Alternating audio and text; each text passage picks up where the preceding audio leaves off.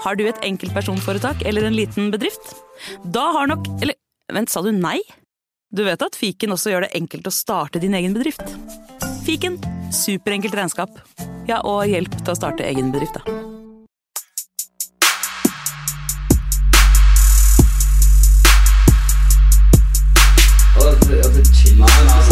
Nei, karer, hysj, hysj, hysj. Det er faktisk sånn at det kanskje er noen som har lastet ned der. Nei, nå må vi bli ferdig. La meg bare få spilt inn her, da. Velkommen til fotballuka!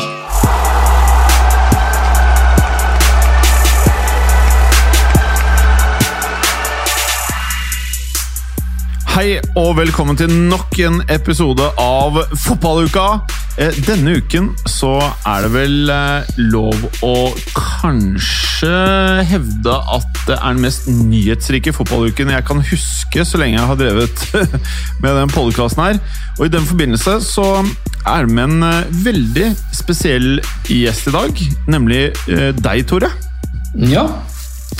Velkommen skal du være. Du er jo den som av alle, i hvert fall på norsk, så er du den som har skrevet flest artikler som jeg har lest rundt alt røret med det som har skjedd den siste uken. ja, det har jo vært uh, mye å ta tak i. Uh, uh, jeg kunne skrevet 10 000 ord, 20 000 ord om det som har skjedd bare på de to døgnene fra søndag kveld til tirsdag kveld, men jeg må jo prøve å presse det inn i artikler som folk flest kan lese også. Mm. Men jeg er veldig glad at du har, at du har lest og fulgt med på dem. Ja, og jeg kan jo da um, Når jeg sier Tore, så regner jeg med at de fleste har lest i, um, i infoen på episoden at det er Tore Haugstad. Eh, Og som eh, for Mats Berger, som ikke er med i dag, så er du da eh, hans favorittskribent i eh, Norge på fotball. Eh, Ja. mm. Veldig fint å høre. Og eh, blant eh, min vennegjeng så er det sånn at det du skriver på Det er stort sett nrk.no, ikke sant? Ja, det er jo det. det, er det. Eh, så er det sånn her must read. Eh, Og på søndag, var det vel, eh, så kom jo da så kom jo denne informasjonen ut. i hvert fall Første gang jeg registrerte, var på, på søndag. Og så måtte jeg lese meg opp om hva er dette Superleague-greiene, og hvorfor i all verden velger de å gå ut med dette her nå? Kunne vi startet der med at du kanskje forklarer folk hva Superleague, tanken bak Superleague er, eller var? Ja, er og var. Fortsatt er, for det, det, ligger, liksom- det kommer til å ligge, ligge og luske i sivet ganske lenge, tror jeg. Men det er egentlig det som har, holdt, som har um, eksistert veldig veldig lenge, faktisk. Um, og det er det at um, de aller aller rikeste, eller de største klubbene da, um, bryter ut og danner en egen turnering utenfor kontrollen til Fifa og Uefa, hvem det skal være, altså disse offisielle organisasjonene. De bare danner en privat liga og sier at vi kontrollerer dette. eh, vi gjør sånn at de beste lagene spiller mot hverandre hele tida. Blir dette en, altså det blir som når du spiller Fifa. Sant? At du liksom bare velger Real Madrid mot Barcelona eller City hele tida. Fordi det er det du gjør. sant? Fordi du vil ha de Som jeg største faktisk gjør når jeg spiller Fifa. men ja. Alle gjør det. sant? Du velger ikke City mot Burnley. Vi, la oss lage en sånn liksom, som money spinning syk league i virkeligheten. Eh, og så blir dette så sykt at alle vil se hele tida, og du kan selge TV-kontrakten for omtrent det du vil. Eh, og så blir alle som er involvert i den ligaen, søkkrike. Og det er ingenting Fifa eller noen andre kan gjøre noe for å regulere um, financial fair play og alt det her. sant? Det, det, alt er helt privat. Um, og dette har jo vært en trussel så lenge altså Det har vært superklubber hele tida, men de har blitt rikere og rikere. Eh, eller tjener mer og mer da, eh, de siste årene, eh, som har gitt dem, gitt dem mer makt. Um, og, så har det kommet altså, I mange år da, så har jo disse store klubbene prøvd å liksom brukte dette som en trussel da, mot Uefa. og liksom sagt at Hvis du ikke gir oss mer penger i Champions League, eksempel, um, så kommer vi til å lage en egen liga. fordi det er vi som skaper all interessen. Det er vi som gjør at Champions League får inn så mye penger og som er, så attraktivt til sponsorer og TV-rettigheter og sånn. Så hvis ikke du gjør som vi sier, så um, kommer vi til å, um, å bryte ut. Uh, og de, altså, de har fått mye allerede. Uh, den nye Champions League som ble annonsert denne uka, har fire ekstra lag, han har fire ekstra kamper. Han har to sånne legacy-plasser som gjør at um, de to lagene som har høyest ranking i Uefa basert på tidligere resultater, kommer med selv om de ikke har kvalifisert seg. Som er sånn to gratisplasser til de store klubbene. Uh, og Dette har de store klubbene forhandla frem siste årene. Og likevel, dagen før disse planene kom ut, så dolka de Uefa i ryggen og sa at eh, vi driter i det, vi, med, vi, kjører heller en egen superliga. Så dette var liksom dette tippepunktet som folk har venta på i, i mange tiår, hvor de faktisk tar steget ut og sier at ok, dette er ikke en trussel, vi kommer til å gjøre det her. Uh, og uh, altså det, Vi har jo lest om det, om det, det hadde jo ødelagt fotballen på veldig, veldig mange måter. Men um, ja, de samme eierne og de samme klubbene er jo der ennå. og det er mange som sier at, altså, selv, Til og med Florentino Perez sier jo at det her er en ting de, de har lyst til å, å, jobbe med og få på beina igjen før eller siden. Mm. Er det noe eh, klarhet i For jeg har lest litt forskjellige ting. Jeg har lest at eh, tidligere president i Barcelona, Bartomeu, eh, var en av initiativtakerne til eh, både planleggingen og også gjennomføringen eller ansamlingen av mange av disse klubbene. Og så har det jo kommet frem at eh, sjefen sjøl, altså Florentino Perez, eh, presidenten i Real Madrid, har vært liksom styreleder, og så har Agnelli fra Inter vært er det nestleder, eller hva det har vært snakk om. Eh, men, fra Juventus, ja. ja. Men hvem er det som Har du noe feeling på hvem det er som har vært liksom jokeren her? Hvem det er som har pusha dette frem, på en måte? Eller har alle vært like gode, føler du? Nei, nei, her er det absolutt ikke alle har vært like gode. Florentino Perez har om, nevnt dette allerede i 2009, uh, da han ble, begynte på sin andre uh, etappe som, som, Real Madrid-president. Uh, han, altså, du, du, kan litt se de lederposisjonene som de hadde hatt om dette hadde kommet på beina. Altså, Perez skulle bli president, så han har utvilsomt vært en drivkraft bak det.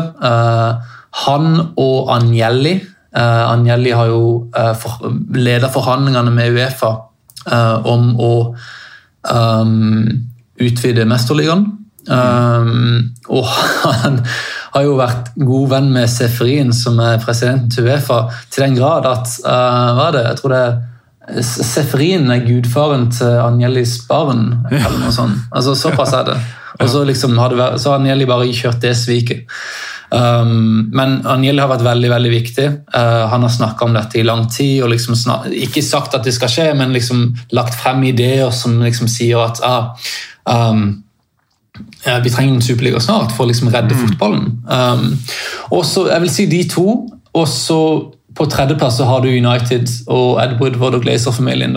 Um, fordi de er, altså, de er kun ute etter å tjene så mye penger som overhodet mulig. og altså, jeg har sagt det før, Hvis du, hvis du hadde gitt de 100 millioner ekstra uh, og liksom sagt at dere får disse pengene, men vi kommer til å gjøre at, at offside hands er lov, og det blir fire, uh, 14 mann på banen i stedet for 12, så, 10, eller 14 i stedet for 11, da.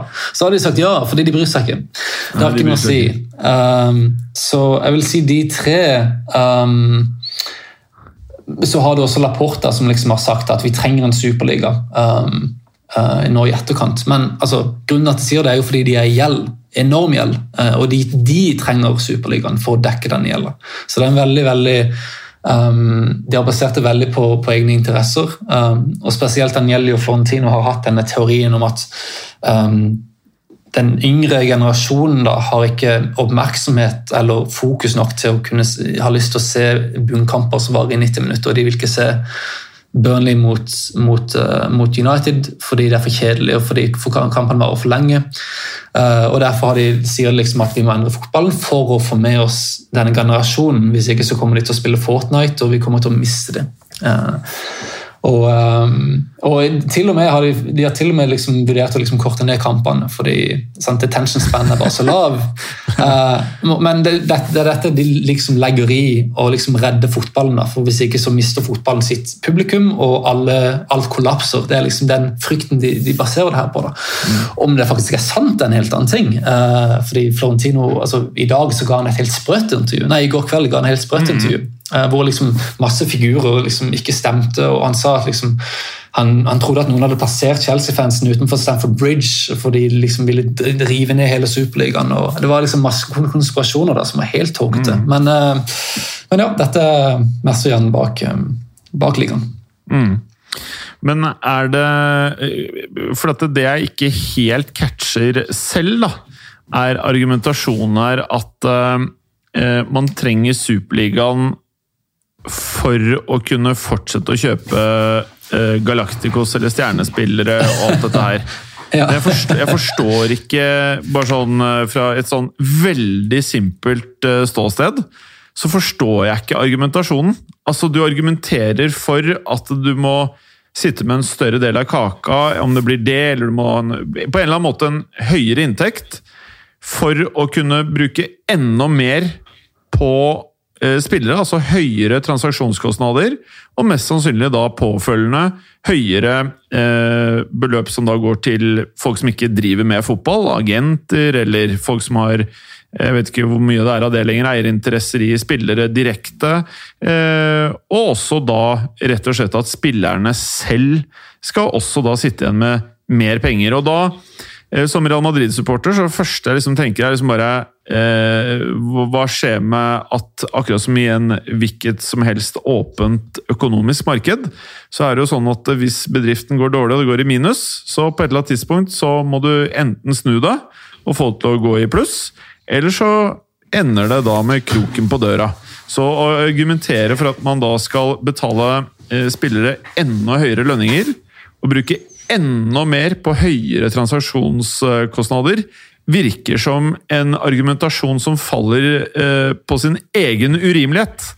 At eh, man, for, man, man, sitter og skjønner at det åpenbart er smarte mennesker, mens argumentasjonen eh, føles veldig desperat.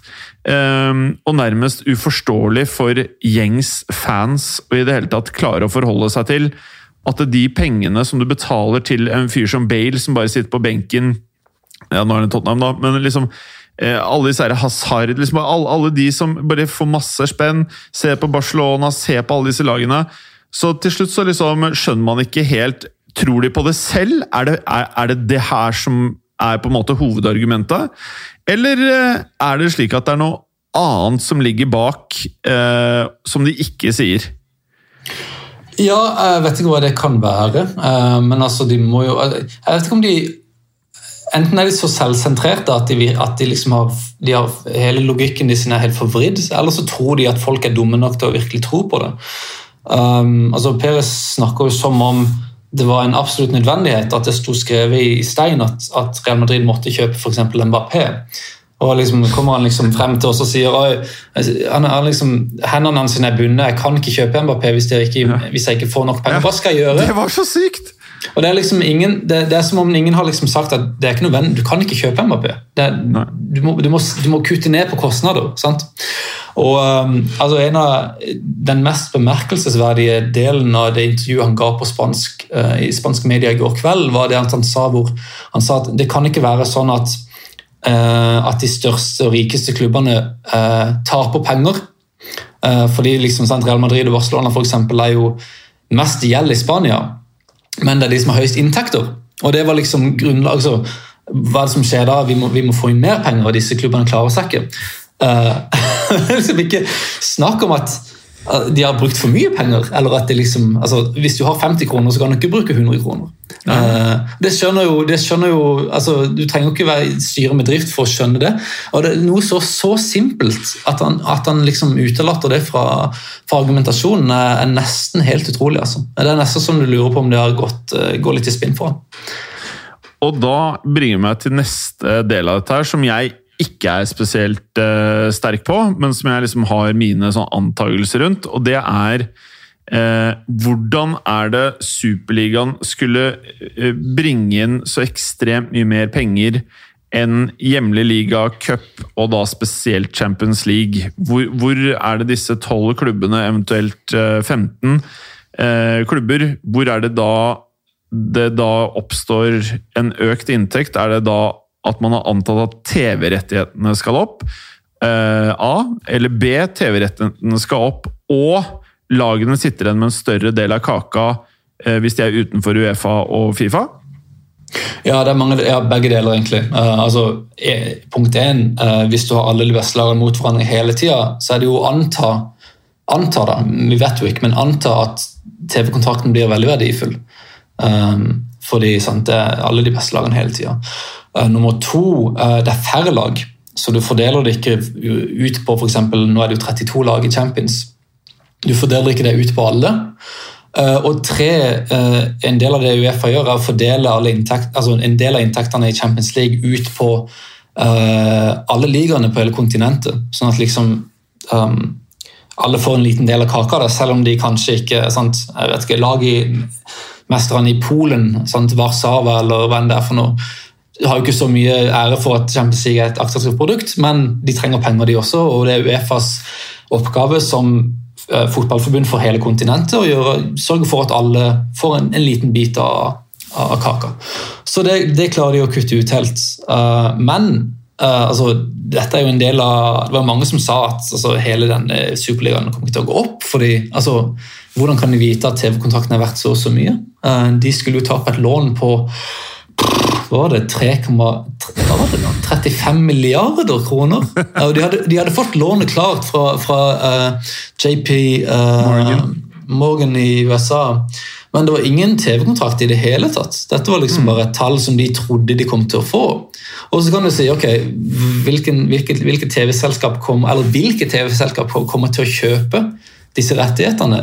Uh, i, for, you know, for, en liga som er altså altså, vil altså, PR-messig en skandale allerede. sant? Um, så det er liksom veldig mye som liksom ikke, ikke, har vært så veldig godt gjennomtenkt, da ser det ut som med, med, denne, med denne planen.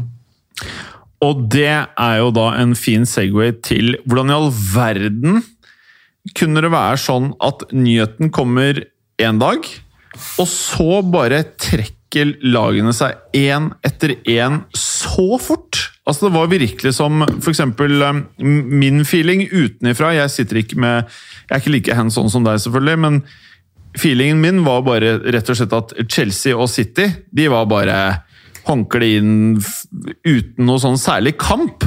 Og da sitter jeg liksom og tenker sånn Ok, det er greit nok at fansen uttrykte seg, og politikere og liksom til og med kongefamilien og alt dette her, men det gikk så kort tid fra nyheten kom til at eh, spesielt Chelsea og City var så tidlig på med å kaste inn håndkleet. Føler du nærmest at de ble liksom dratt med i denne tollerbanden? Eh, skal vi se, Nå kommer faktisk Peter Clay her. Hallo, Clay! Nå kom du midt inn i podkasten her. Skliende inn på et bananskall. Ja, det er deilig, det. Vi, eh, altså Tore og jeg har eh, rett og slett bare starta med å prate om, eh, om Superligaen. Mm. Hva Superligaen er, hvem som har stått bak, eller hvem som har vært initiativtagere. Og nå så sitter vi og og skal til å starte med da hvorfor Chelsea og Man City var såpass raske på å kaste inn håndkle. Har du noen tanker til det, Clay? Eh, ja, eh, altså det er, det er, vanskelig å eh, sette seg inn i hodene til de som styrer og steller der, men man skulle jo tro at de kanskje skjønte fortere enn de andre hvilke reaksjoner som Når reaksjonene først kom, det voldsomme opprøret kom, at de hadde en, en litt mer handlekraftig ledelse hva gjelder å gjøre en retrett. Eh, samtidig som de kanskje ikke er eh, like avhengig av, eh, av den typen finansiering som Superligaen tilbyr. Da. De har andre kilder. Men, men føler dere at dette her er Kan man tenke at disse lagene bare på tampen Ja, ok, vi er med. Eller tror dere at dette var planlagt kjempelenge, og at de har vært klar over dette her på lik linje med Real og de andre en stund? Jeg tror ikke de har vært klar over det. Um, det ble rapportert selv før nyheten kom ut offisielt, så liksom avisene i England liksom fikk greie på at dette kom til å komme ut på søndag kveld. Så skrev mange, var det Daily Mail skrev i hvert fall at uh, Chelsea og City liksom var de siste som hadde blitt overtalt, og de liksom ble med litt sånn helt på slutten og liksom tenkte oh shit, hvis dette blir noe og alle er med og vi ikke er med, så står vi utafor og, og, så sliter vi. Men, mm. uh, så jeg tror, var, jeg tror ikke det var så mange som var overraska når de trakk seg først. Um, og som Clay sier også, altså, De har veldig få insentiver, nå, begge de to, får, får faktisk bli med. Uh, de har private, styrtrike eiere. Um, og begge to altså, Roman kjøpte jo Chelsea for å, liksom, for å avlede, avlede, litt fra det hvordan han hadde tjent pengene sine på i Russland, og liksom skape seg litt sånn diplomatisk currency da, i, i Vest-Europa. Uh, og City er jo et rent altså internasjonalt PR-prestisjeprosjekt. Uh, og, og, det siste de trengte, var jo en PR-skandale, sånn som Superligaen. Så, mm. Og så må du ta med Champions League også. så Det har vært liksom the holy grail for begge de to uh, i all, lang lang tid, og City har jo ennå ikke vunnet den. Uh, og det er liksom, altså, Skal City liksom trekke seg ut av hele turneringa før de en gang har vunnet den? Og Hvor mye prestisje er det i Superligaen? Kommer det til å ha den samme tyngden for oljesjeikene i, i, i, Gulfen som å vinne Champions, med all den historikken den har. Så det ga egentlig veldig lite mening, uh, iallfall for City. Um, og så syns jeg også City er for smarte til å bli med. Altså, de, har, de, er utrolig flinke på å bygge. Altså, de, har, de, har, et imperium av lag over hele, hele, verden som er så smart bygga opp, uh, både økonomisk og sportslig sett, at uh, jeg syns det var overraskende at de, at de, ble med på det. og, og ja, det ga mening at de var de første som liksom skjønte at ok, det her er, det her er en feil, og vi må, vi må komme oss ut. Så, så tror jeg kanskje de også har skula litt til uh, naboen sin i Qatar. Uh, og det at uh, Nasser El Kelaifi og, og de ikke ble med. at de så den altså, Nå mener jeg at Nasser El Kelaifi er en en, en ja, Noen vil kalle han en edderkopp, men en veldig dyktig strateg. Altså, også i storpolitikk, litt mer enn bare rent uh, fotballmessig. Altså, Qatar har manøvrert et, et ganske uh, komplisert uh, farvann egentlig i, i Midtøsten også, som en eh, mellom Iran og, og Saudi-Arabia spesielt. Altså, det er geografisk plassert, men, men også sånn storpolitisk så har de vært en eh, vært en spiller da, på, på, ganske høyt plan. og det, det sitter jo litt rann, eh, den, den, evnen til å manøvrere i sånne konflikter og, og altså, uoversiktlige situasjoner er de flinke til. Nasser Kelaifi har eh, posisjonert seg Spesielt etter at det ble ganske hardt kjørt av Uefa med tanke på Financial Fair Play-periode. De fikk eh, bands og bøter og begrensninger på spillertropp og sånne ting. Så har han innynda seg i Uefa. Uh, var før visepresident, nå er han valgt til ny president for den der klubbforeningen i, Europa. Han har hatt en plass, eh, plass i styret til Schäferin. Uh, han, bare, han, han, bygger makt. da Eh, og har vært mye smartere i å manøvrere i det der spillet der. Eh, eh, både for sin egen, egen del og rent, sånn rent strafferettslig, faktisk, til en viss grad. Men også økonomisk og for sin egen maktsdel. Da. Så, så de, og de valgte jo ikke å gå inn til, i dette superliga-greiene.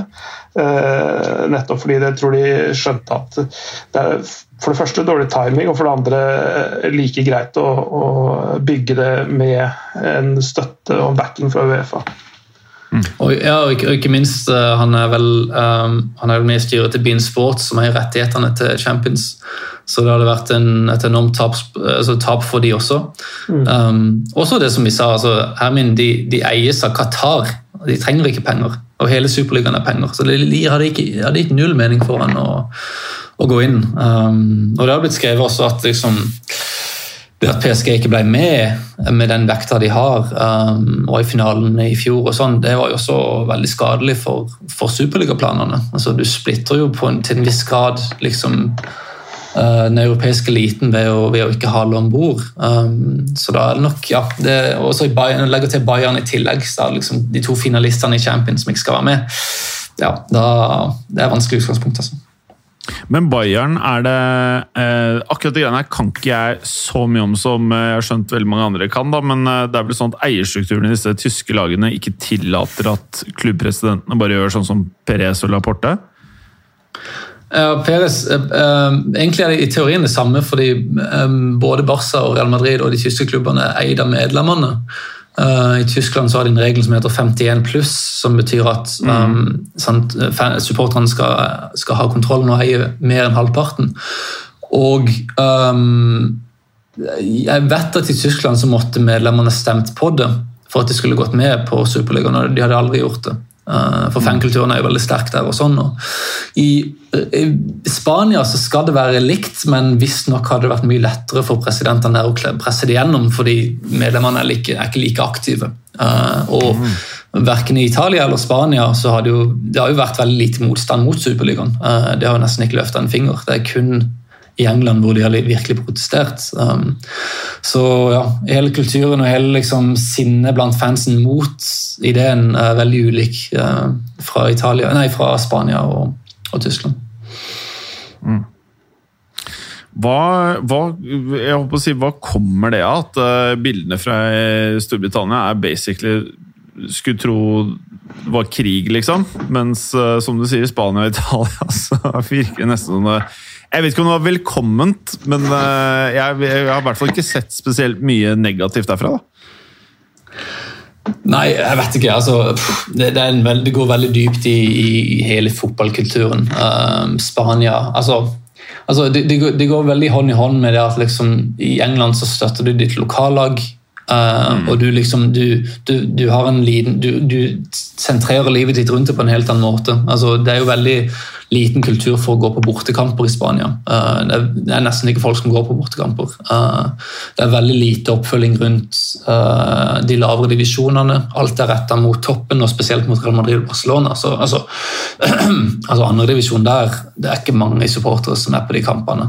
Mens championship i England er jo hva er det, iallfall innenfor topp ti av, av tilskuerantallet i, i Europa. Mye høyere også, tror jeg. Så Liksom, du har sant, Sunderland til I die, vi har alle sett den dokumentaren. Sant, liksom Gale eh, taxisjåfører og eh, sånn byggearbeidere som liksom lever og ånder for Sunderland. Sant? og det er, helt, det, er, det er, mer underholdning i Spania. Det er ingen som dedikerer livet sitt så mye til lokalklubben. Uh, uh, og, uh, og Sønnen var jo andre tredjedivisjon når, de spilte inn det. så helt en dedikasjon, tror jeg, til um, til de små lagene. da, uh, Og mm. til liksom fankulturen og det å gå på kamp og støtte din lokale og liksom gjøre det til en viktig viktig del av livet ditt. Uh, som gjør at, og Det er jo denne pyramiden med disse lave divisjonene som blir rammet av Superligaen.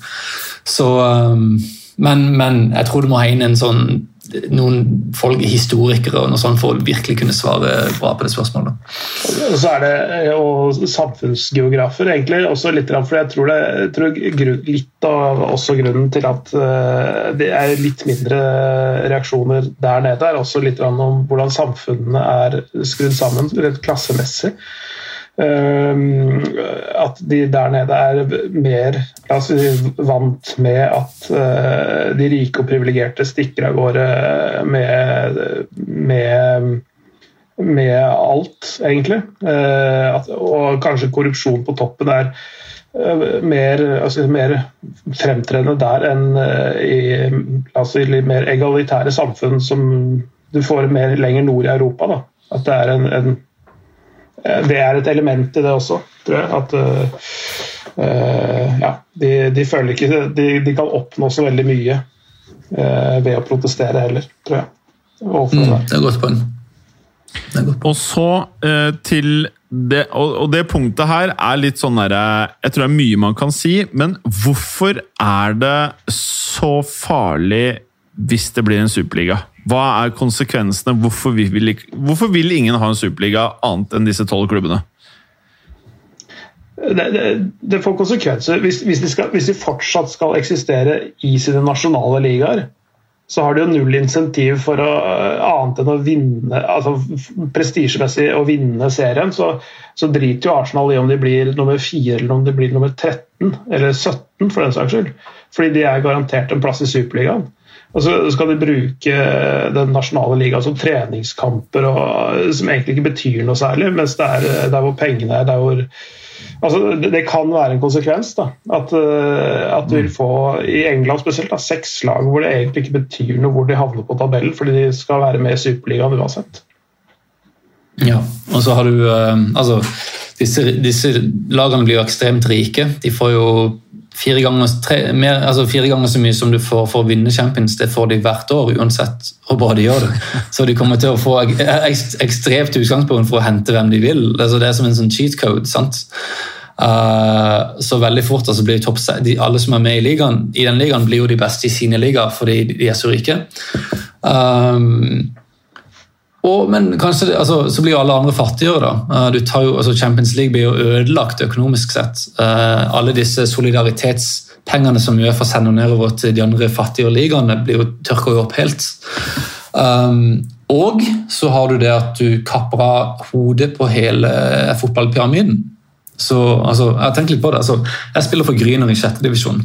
A-laget. Ja. Vi er ikke særlig gode, men i teorien så kan Grüner vinne Champions League. Hvis vi trener hardt nok, hvis vi bygger ut stadion, hvis vi får en rik onkel, hvis vi kjøper gode spillere, så kan det skje. Vi kan komme opp til Eliteserien, vi kan kvalifisere oss, vi kan nå kvaliken i Mesterligaen, og så kan vi vinne. Um, med en superliga, altså, og der har du liksom Champions League da, er, er knytta til den aller laveste divisjonen i Liechtenstein. sant? Fordi alt henger, Det er det som er liksom det, det vakre da med fotballpyramiden, at alt henger sammen. Men Superliga Superliga så flytter du all, hele toppfotballen utenfor den pyramiden, uh, og du blokkerer veien opp til den. Uh, de sa jo at det, var, det, skulle være 20 lag, hvorav 15 var faste medlemmer og fem kvalikplasser. Så det er i teorien mulig å komme inn via de fem kvalikplassene, men hvem kommer til å få de? Uh, ikke et lag fra Norge, f.eks. Ikke kjangs. Uh, kanskje litt fra England, Italia, kanskje fra Frankrike hvis de er heldige. Men det er liksom luka. Um, og det gjør jo at altså, sånn, Hva er poenget? Uh, hva skal liksom alle lag i Europa spille for å nå Europaligaen? For det er jo det som i praksis skjer. at Du liksom, du kan bare nå den neste års turnering, og det er jo veldig veldig, veldig trist. Uh, og så har du det med sportslig integritet, at det, ja, du kan ikke rykke ned. Um, ja, det er jo Det, er jo, det går imot altså, alt det som liksom folk har lært og blitt glad i med, med fotball. Det er, det er, en veldig eh, u, altså, Ikke bare ueuropeisk, men altså, det er en ufotballsk tankegang, egentlig. Som, som, du sier, at der, fotball er bygd opp på det systemet der. Hvis du skal ha et system for Mange har sammenligna det med amerikansk idrett, da, med sånne lukkede mm. systemer. Men, men, det, men dette Superligaen eh, er, er, en slags sånn hybrid av de to, to tingene, eh, som egentlig ikke henger på greip. fordi Litt av grunnen til at det fungerer i USA, altså, som gjør at alle de, de franchisene som er der, kan vinne, har med dette draft-systemet å gjøre. ikke sant? Altså Det dårligste laget får eh, plukke det beste talentet neste år. ikke sant? Sånn at Du har en sånn slags dynamikk, så du får en sirkulasjon. Mm. Uh, alle lag der har i prinsippet en mulighet til å vinne. Uh, det, det draftsystemet jo ikke eh, kunne innføres i fotball. Med allerede akkumulerte spillestaller som er verdt milliarder. så De kan ikke plutselig sette en strek over overgangssummer og begynne å drafte spillere og bytte de frem og tilbake uten overgangssummer. Um, så, så, så, det er likt med de amerikanske proffidrettene med tanke på at det er et lukket system, men det har ikke det der overgangssystemet eller spillelogistikken da, på, på, samme måte i det hele tatt. Så det, det, vil ikke kunne funke, tror jeg, uansett. Det er ikke levedyktig sånn sett. Nei, helt enig. Og så eh, tenker jeg da, nå er det jo sånn at eh, Eh, I denne gjengen med klubber så var det et par klubber som var, var litt overraskende at Tottenham og Arsenal var liksom given som uh, to av disse tolv? Det er jo egentlig ikke det, fordi de er, altså, hele Europaligaen altså, Den superligaen er sam, samla klubber for å gjøre den TV-kontrakten så fet som mulig. Og antall TV-serier kommer an på hvor populære og hvor mange følgere klubbene har. Uh, og derfor, altså Det var en sånn spoof, sånn her, uh, falsk historie som ble pumpa ut uh, om at Newcastle også skulle være med. Ja. det var mange som trodde det. og det er liksom folk bare Hæ? De holder på å rykke ned. Men det, de, men det, er faktisk ikke så dumt som det høres ut, fordi Newcastle er en svær klubb. og Det hadde, de hadde gitt mye mer mening for Florentino og Agnelli å fått med Newcastle enn f.eks. Leicester, tipper jeg. For jeg er ganske sikker på at Newcastle har flere fans. Som vil skape mer blest og interesse og mer penger, som det kommer tilbake til. Så uh, det at Arsenal og Tottenham ble med, iallfall Arsenal, um, gir absolutt mening. Men altså, hele den logikken forklarer jo hva som er så idiotisk med hele ligaen. At, at det kun handler om det. Sant? Og at tabellposisjonen har, har null, og, null og niks å si. Du også, Clay. Du eh, tenker at det er resonnementet bak det hele? Ren popularitet? Ja. Eh, og, så litt uh, ut ifra at uh, de kjøper seg litt sånn gratis eksponering, egentlig, fordi Premier League allerede er den mest eksponerte ligaen. De, de, TV-avtalene viser det, og den der Forbes-lista med de rikeste klubbene. ikke sant? Så det er jo altså, at du har det er, det er, vel, er det 14 av de 20 rikeste klubbene eller noe, som er Premier League-klubber? Noe sånt noe? Mm. Uh, og, og da vil jo naturligvis være de som er uh, altså Som en konsekvens av at det er av de mer populære lagene i den mest populære ligaen, så er det ikke noe unaturlig at det er en overvekt av Premier League-lag i en sånn superliga. sånn sett. For de kjøper seg allerede uh, De kjøper seg alle følgerne, alle fansen, den superligaen. Da, De plukker jo bare det, det som allerede er Eh, la oss si ferdig, ferdiglagde profiler, egentlig. De bygger ikke noe opp fra grunnen sjøl, for det er, mye, det er, mye, dyrere. ikke sant? Ja, det er, det er noen som har sammenlignet med altså De raner med seg hele fotballen. Altså, det er en hijacking, kalles det. Uh, det, er, det, er, litt sånn. Mm. Og nå er det jo Er det tre klubber som ikke har kasta inn håndkle nå? Altså Real, Barca Juventus, eller er det flere? AC Milan? Uh, jo, jo, Milan tror jeg Milan er ute. Jeg, jeg, tror jeg mente jeg har sett Maldini har vært ute og beklaga. Eh, ja. Så uh, uten at jeg har sett den offisielle meldinga, så fikk jeg med meg en sånn, en sånn i et flash at, at han hadde beklaget. Men, men, uansett, det er ikke så mange igjen. Så da er det tre ja. Du kan si de tre som har liksom gått ut og sagt at Uh, vi, vi, ikke, vi, vi, sier ikke såret, vi trenger Superligaen. Det er jo Juventus som har Agnelli, som har drevet dette. Og så er det de to lagene som har mest gjeld, som er Real Madrid og Barcelona. Så det er jo, det er jo altså, De engelske lagene de sliter, de også, men de er ikke så mye gjeld. og de, er, de spiller i en liga som håver inn veldig mye TV-penger, og de kommer sikkert til å greie seg greit. Men det, er liksom, det er de aller, aller mest desperate som som ja, prøver å tviholde på, på den ideen. Fordi de må, kan du si. Og da er liksom spørsmålet hva, hva tror vi skjer nå? Er, er, dette her ferdig? Altså, Det blir ikke noe superliga? Eller er det faktisk en mulighet for at de tre klubbene her klarer å stable et eller annet merkelig? Jeg tror først og fremst at det tar, at det tar i hvert fall noen år før de prøver seg på nytt. Uh, i, en annen uh, form eller fasong hvis, hvis uh, Real Madrid og Barcelona klarer å overleve, overleve den gjeldskrisa de er inne i. For det er en del kortsiktig gjeld også som de må bli kvitt. Det er ikke bare sånn, det er ikke sånn 25 år langt boliglån, dette her. Det er kortere, kortere, kortere tidsfrister enn som så, og det er en del milliarder som forfaller ganske fort. Eh, så det er avhengig av stayerevnen til eh, PS eh, spesielt, da, tror jeg. Og han har jo manøvrert gjennom gjeldskrise før og fått solgt treningsanlegget til kommunen for noen milliarder, og så kjøpte tilbake for en krone, eller hva det var for noe. ja.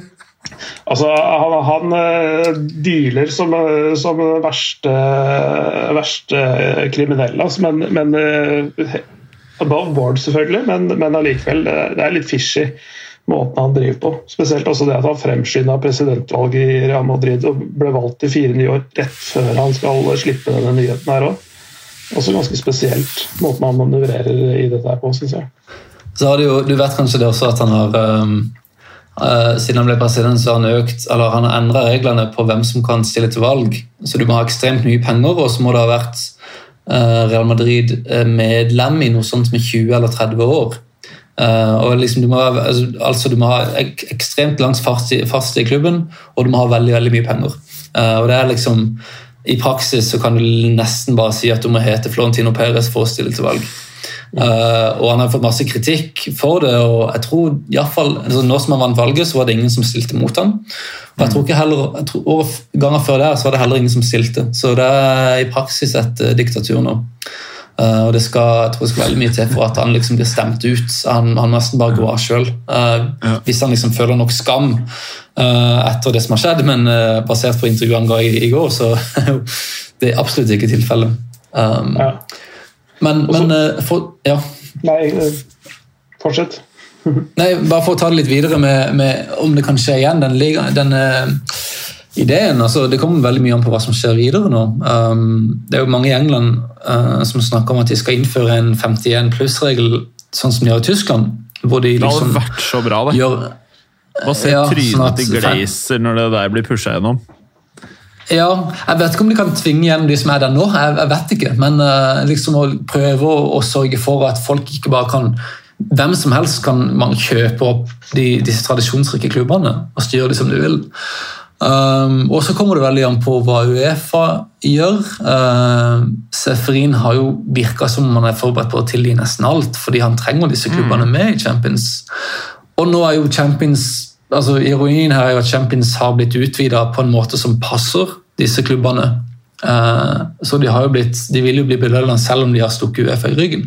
Eh, stukket, knivstukket i ryggen. Eller dolka i ryggen, som det heter. Så, uh, så um, det går jo i den retninga uansett. og i verste fall så vil Uefa bli pusha så langt at Champions League i praksis blir en superliga med, opprykk, med nedrykk. Så um, ja, det er litt skummelt. Um, det er litt skummelt, det som skjer, og uh, jeg tror absolutt på at han kan dukke opp igjen om noen år. Ja, Dere tror det, ja? Jeg tror en, om tre års, tre års tid, uh, kanskje. Uh, når ting får roa seg, folk får glemt nok hva som skjedde nå. Og En litt smartere inngang på det, og ikke lansere det hele midt i en pandemi. Uh, ja, altså det, er så, det er så klønete håndverk uh, ja, det virker ganske, nesten plan, desperasjon. Ja, altså, ja det, det, er nesten det du lurer på. Hvor, hvor, hvor ekstrem er egentlig den gjeldssituasjonen i de, de, klubbene som gjør at de føler seg pressa til å gjøre det akkurat nå? For det er, det er altså så, så, dårlig timing og, og, så umusikalsk i den situasjonen verden er i nå. Uh, å, gjøre det, å gjøre det på den måten de gjør det. Uh, mm. Uh, uten, noen, uten å ha hatt noen følere ute. Det, altså, det, det, er, det, er, ikke til å forstå uh, egentlig at de har hatt så dårlige rådgivere også. At de har gjort så dårlige undersøkelser og, og misforstått uh, fansens og kundenes reaksjoner så til de grader som det de har gjort. At de ikke, at de ikke så dette komme, syns jeg er helt utrolig. Altså, jeg tror alle, alle, vi som sitter her, og eh, alle de som lytter på Fotballuka og og tilsvarende podkaster kunne, kunne, sagt det der eh, gratis. Gitt i det rådet gratis, så hadde de sluppet alt dette her. Og, kan, mm. og, og, For å bygge videre på det, altså, noe jeg har tenkt på er hvor, hvor altså, Ikke bare det at de liksom misforsto og, og feilberegna reaksjonen, men liksom bare hele sånn utføringa, da. Vi har snakka litt om tallene. at eh, sånn TV-kontrakten, Hvordan visste de at de kunne få tak i så mye penger for å backe det lånet de skulle ta ut? Kun én person snakka om dette offentlig, og det var Peres. Alle andre bare ja, vi kom til å være med i Superligaen, og så bare satt de der og, og, sa ingenting. Og ingen forklarte noe mer om hvordan, sant? Hvem, disse fem kvalikplassene, hvordan funker det? Uh, vi skal redde fotball, hvordan funker det? Ingen sa noe. Og liksom, det, Når det er så stor inkompetanse på så mange nivåer, så tenker jeg hvem er det som driver disse klubbene? Altså, dette er klubber med flere milliarder i inntekter. De kjøper spillere. og Du ser liksom, altså, du ser liksom sant? Real Madrid bruker penger på Hazard og liksom uh, United uh, vet ikke, kjøper Fellaini for fem, 50 millioner mer enn de trenger. og sånne ting. Og så tenker du liksom, ok, ja, Fotball, alle kan ta feil. Men, men kompetansen i disse klubbene jeg, jeg, tror den er mye mye lavere enn det vi, enn det vi forstår. Uh, jeg, jeg, tror ikke dette er for, altså, Ed Woodward, eksempel. Det, det er en enorm klubb, men det, det, det sitter veldig la, lavt antall personer i et lite rom på Old Trafford og tar disse avgjørelsene uten å forstå hva som skjer rundt dem. Uh, og det, skal veldig lite til før de, får det helt feil. Uh, og det, jeg vet ikke, jeg tror det er mye mindre uh, mye lav, mindre grad av kontroll, kontroll kontrollsjekking på disse avgjørelsene på det aller høyeste, nivået enn det vi tror. Uh, og det er liksom En flopp her og en flopp der og en rar treneransettelse her og der. Det er liksom greit, det er liksom spredd ut, men her har du liksom all den inkompetansen samla opp til et prosjekt, og så bare smeller det samtidig. Og Det, er liksom, det har liksom virkelig for meg da banka det inn i hodet mitt at disse klubbene vet ofte ikke hva de holder på med. Mm. Ja, altså, jeg tror du har så vanvittig rett. Ja, altså, de, de Avstanden til grunnfjellet er altså, så stor. De sitter så, altså, så, fjernt fra det som egentlig skaper verdiene for dem. Altså fansen, egentlig, interessen rundt dette, vanlige mennesker. At de skjønner så lite av hva de egentlig hva i dette eller fotballuniverset, hva de er ute etter. Eh, det er ikke bare de skiftende frisyrene til Neymar og, og den der latterlige pelsjakka han hadde når han satt på tribunen nå nylig. Eh, det er liksom ikke, det er ikke de tingene, ikke sant? Eh, det er ikke bare star power eh, som gjelder. Det handler om følelser, tradisjoner, kultur. Og det stikker mye mye dypere enn mange av disse forstår. Ja. Ok, hvis du er som meg du er fan av Jeg er fan av kanskje verstingen, altså Real Madrid. Eh, og i Norge så er det jo helt sinnssykt mange som enten heier på Liverpool, Manchester United, sikkert Barcelona, Juve og alle, alt dette her. Eh, hvordan eh, Ikke for å fortelle folk hvordan de skal reagere, men hvordan Hva gjør man som fan? Er dette her bare liksom det mest klare eksempelet på hvor lite vi ja, vi klarte å avverge det nå, åpenbart. da. Eh, eller virker det som, i hvert fall eh, for engelske klubber. Men vitner dette er bare om hvor lite fansen har å gjøre med dette her, så lenge man fortsetter å kjøpe TV-abonnement, så lenge man fortsetter å kjøpe drakter, kjøpe billetter til stadion. Så lenge man ikke gjør noe aktivt utover det, så er man egentlig ikke noe mer enn, som du nevnte, Clay, bare en kunde? Jeg, jeg, tror, jeg tror eh, dette er, det er en uvant situasjon for de store fanmassene uansett uh, uh, hvordan de skal løse dette. Altså, de, må, de, må, finne en eller annen aksjonsform som, uh, som funker. jeg jeg syns ikke at folk skal forlate måte, klubben sin som sådan. De kan jo stille litt sin, sine bidrag i bero og selvfølgelig en periode inntil det har kommet endringer som, som man kan leve med. Ehm, eh, jeg tror kan enten kreve endring i eierskapsstrukturen, eller få de som eh, eier klubbene nå ut av det, eller få eh, eiere som er villige til å lytte mer til fansen. Um, Arsenal-fansen protesterer nå for med støtte fra Arteta uh, i å få Cronky ut av, klubben. Um, jeg tror altså sånne Eh, sånne altså protester mot eierne gjør det såpass ubehagelig og så upopulære altså gjør eierne så upopulære at de ikke vil eh, holde på lenger. Det det er en mulig vei å gå, da. Ikke jeg. Ja. Jeg syns ikke man skal droppe klubbene sine og fantilhørigheten sin pga. dette, men jeg, skjønner at folk reagerer. At de må gjøre noe. Men at de må finne en eller annen en eller annen eh, form som er mer effektiv enn å bare å uh, si at de ikke skal støtte et lag de har holdt med i 30 år. Da. Ja, Det er det som er så synd, at det ikke er noe, altså, det er ikke noe direkte kontroll mellom, mellom altså, Fansen kan ikke gjøre noen ting med, med eierne. da. Uh, og uh, det er det som er synd, altså, Før var, var jo disse klubbene liksom um, veldig forenkla form. så var det jo liksom, De ble eid av lokale forretningsmenn som var fans sjøl. Det var liksom, folk ville det samme. da, og Hvis folk begynte å bo på stadion, så var det liksom en slags demokratisk feeling på at ok, vi må ha treneren ut. Veldig forenkla.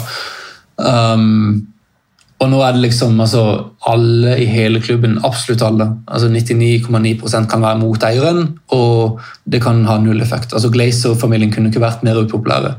Uh, men det er ingen mekanisme som gjør at de må selge. Uh, med mindre regjeringa i Storbritannia gjør noe spesielt nå. og Det er jo det som er så synd, og det er det som er så flott med tysk fotball.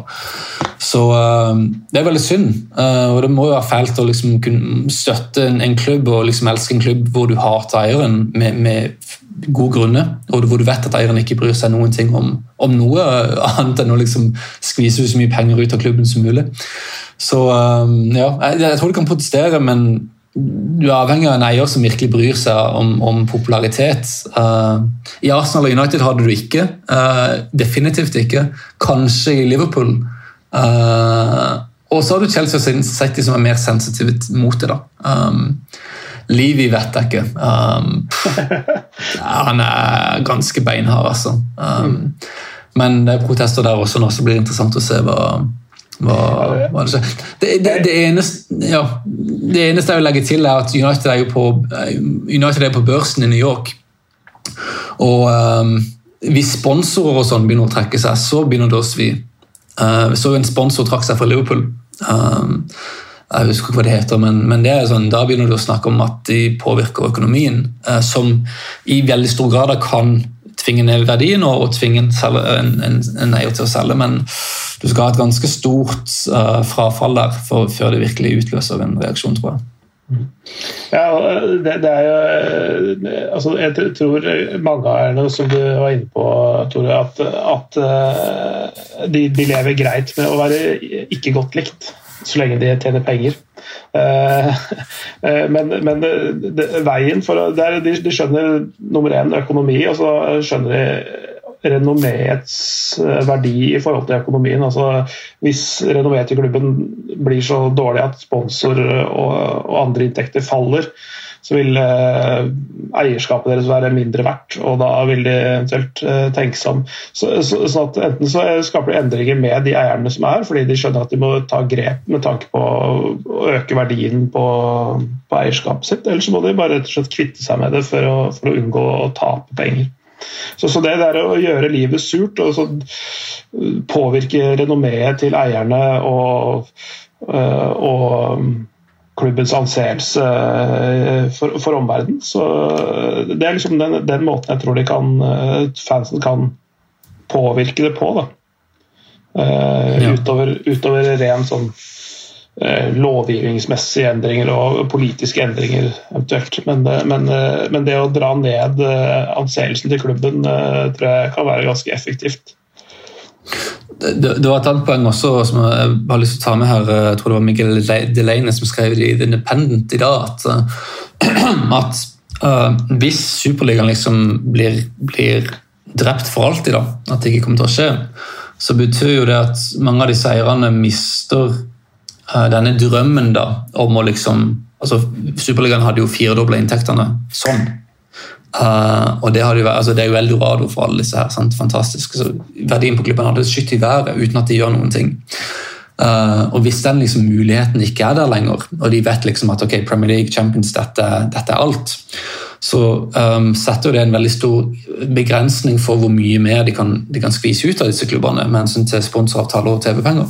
Uh, det har jo vært, altså TV-pengene begynner jo å liksom flate ut litt nå, jeg vet ikke om de til og med har sunket litt. Uh, Da er liksom spørsmålet før disse tenker ok, kanskje vi har nådd toppen på hvor mye denne klubben er verdt. Kanskje det er på tide å liksom selge, uh, fordi det kommer ikke til å være en superliga. Vi kommer ikke til å nå, kommer ikke til, kommer ikke til å nå det punktet. Dette er så bra som det blir.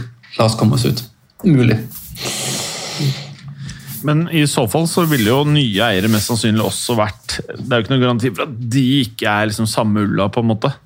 Nei da, det er det ikke. Det er der må regjeringa i England må gjøre et eller annet. Ja, men, men, når det er sagt, hvis, hvis det blir et, der, et frafall av uh, disse investorene vi har sett nå som er av litt forskjellig karakter, så tror jeg, jeg tror folk som ville gått inn i de klubbene nå, ville vært av en litt annen type. De ville tenkt seg om på en helt annen måte også. At det ville eh, eh, ja, en viss type risikokapitalister som er der nå, egentlig. Eh, det vil ha mer langsiktige eiere eh, som tenker eh, mindre på umiddelbar og voldsom profitt. Jeg tror, jeg tror, jeg tror den typen eiere eh, ville tenkt seg om mer enn to ganger før de eventuelt altså, de, de, som ligner på dagens eiere, ville tenkt seg om før de bega seg ut på det prosjektet. Så når de ser hva slags effekt eh, disse planene her om Superligaen har fått. Tror jeg, da. Hvis du er nå fan, for jeg leste det var sykt mange på Twitter og på nettet i år som sa det føles veldig rart å skifte klubb i en alder av 35, 40, 45, 50, 55, 60 osv. osv. Er det eh, Hva tror dere? Er det noen som skifter klubb? Eller er det sånn nå Nå går det et par-tre uker. Florentino og Barca og Juventus lar det ligge litt. Vi hører ikke noe mer. Ting bare ebber ut. Og så er det Champions League-finale, og så kommer sommeren. Og så er det noen vaksinenyheter, og så går det videre. Og så er det transfers, og så er det en ny sesong.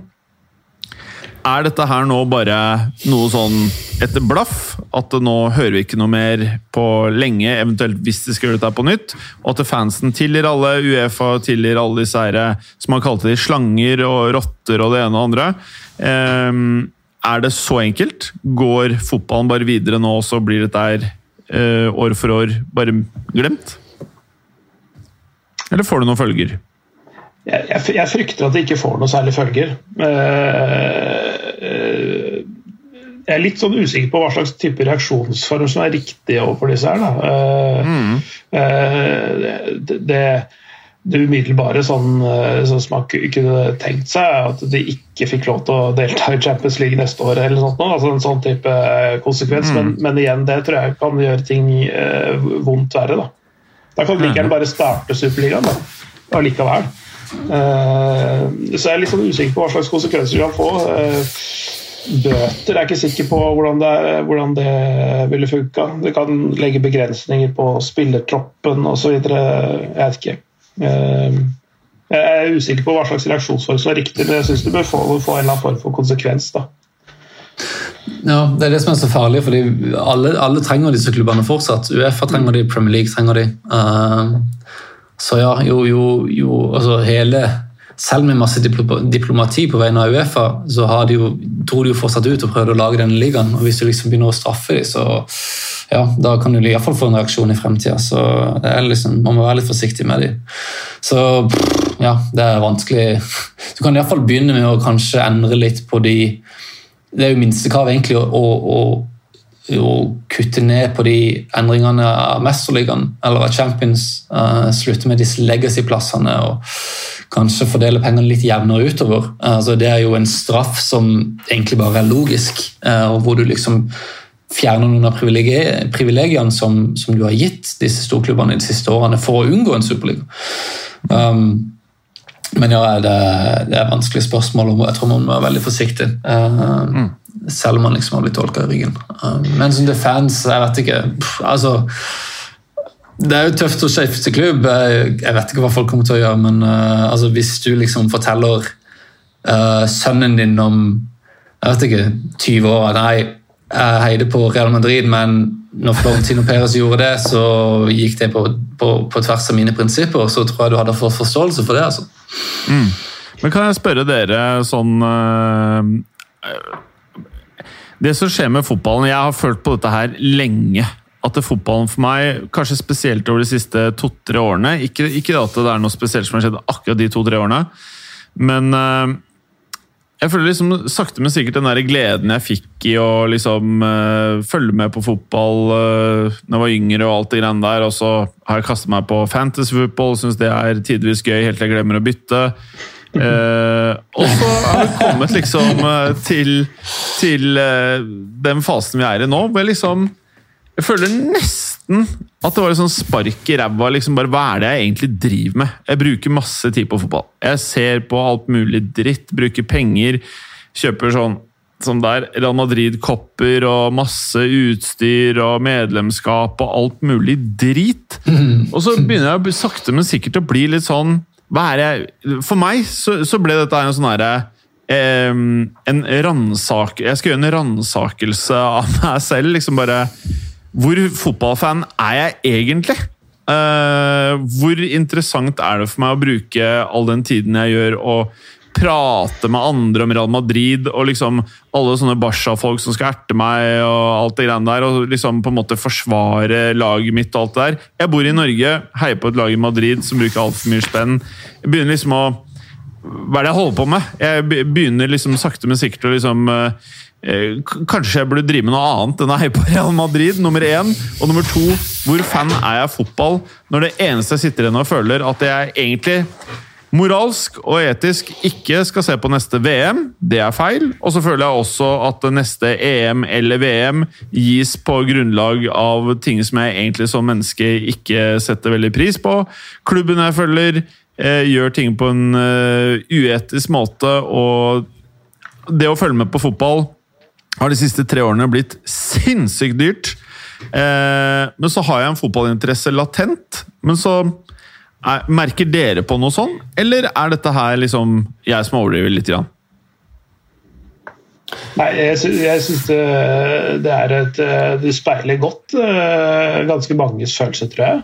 Uh, den galoppen, eller pengegaloppen som har vært i internasjonal fotball, har har skvisa sitronen eh, ganske hardt, og nå er den snart tørr. Altså. For det, nå er det, jeg tror det har nådd en smertegrense, eh, eller er straks i ferd med å gjøre det, i hvert fall. Eh, for hva folk kan betale og, og investere av tid i det. Det er, liksom, det er blitt mye kamper, det er blitt mange turneringer. Det er mye å følge med på. Det er fotball hver eneste dag med ting som er spredd utover eh, TV-tidspunkter og, og, det ene med det andre. Så, så eh, nei, jeg, jeg, skjønner godt at det kan bli litt mye. Så har det sikkert litt med alderen å gjøre òg. Du begynner jo å bli voksen, en voksen mann. ja, faktisk. Ja. Jeg, jeg, ja, jeg, skjønner også. Jeg tror det blir litt annerledes hvis du jobber med det. Jeg har, fått, jeg har blitt litt sånn immun mot det, fordi det er liksom det er ikke en interesse, det er mer en jobb, egentlig, fordi jeg holder på med det nesten hele, hele dagen. Um, men jeg kan absolutt se poenget. Altså, hva, hva, altså, hva, men altså, Fotball er jo mye på ulike nivåer. Da. På det nivået så er det pill råttent. Mm. Men så kan du gå ut og se, du kan opp og se Grorud i, i Obos-ligaen. Og der er det liksom ekte fotball igjen. sant? Mm. Uh, så jeg vet ikke Hvis jeg liksom ja, hvis jeg liksom hadde investert mye av tida Men så er det vanskelig også, sant? hvis du virkelig er die hard-fan og liksom har gått inn med så mye energi og tid og, og, og, krefter i et lag, og så skal du liksom bare snu ryggen. Jeg tror også det er veldig ja, vanskelig føles, å gjøre.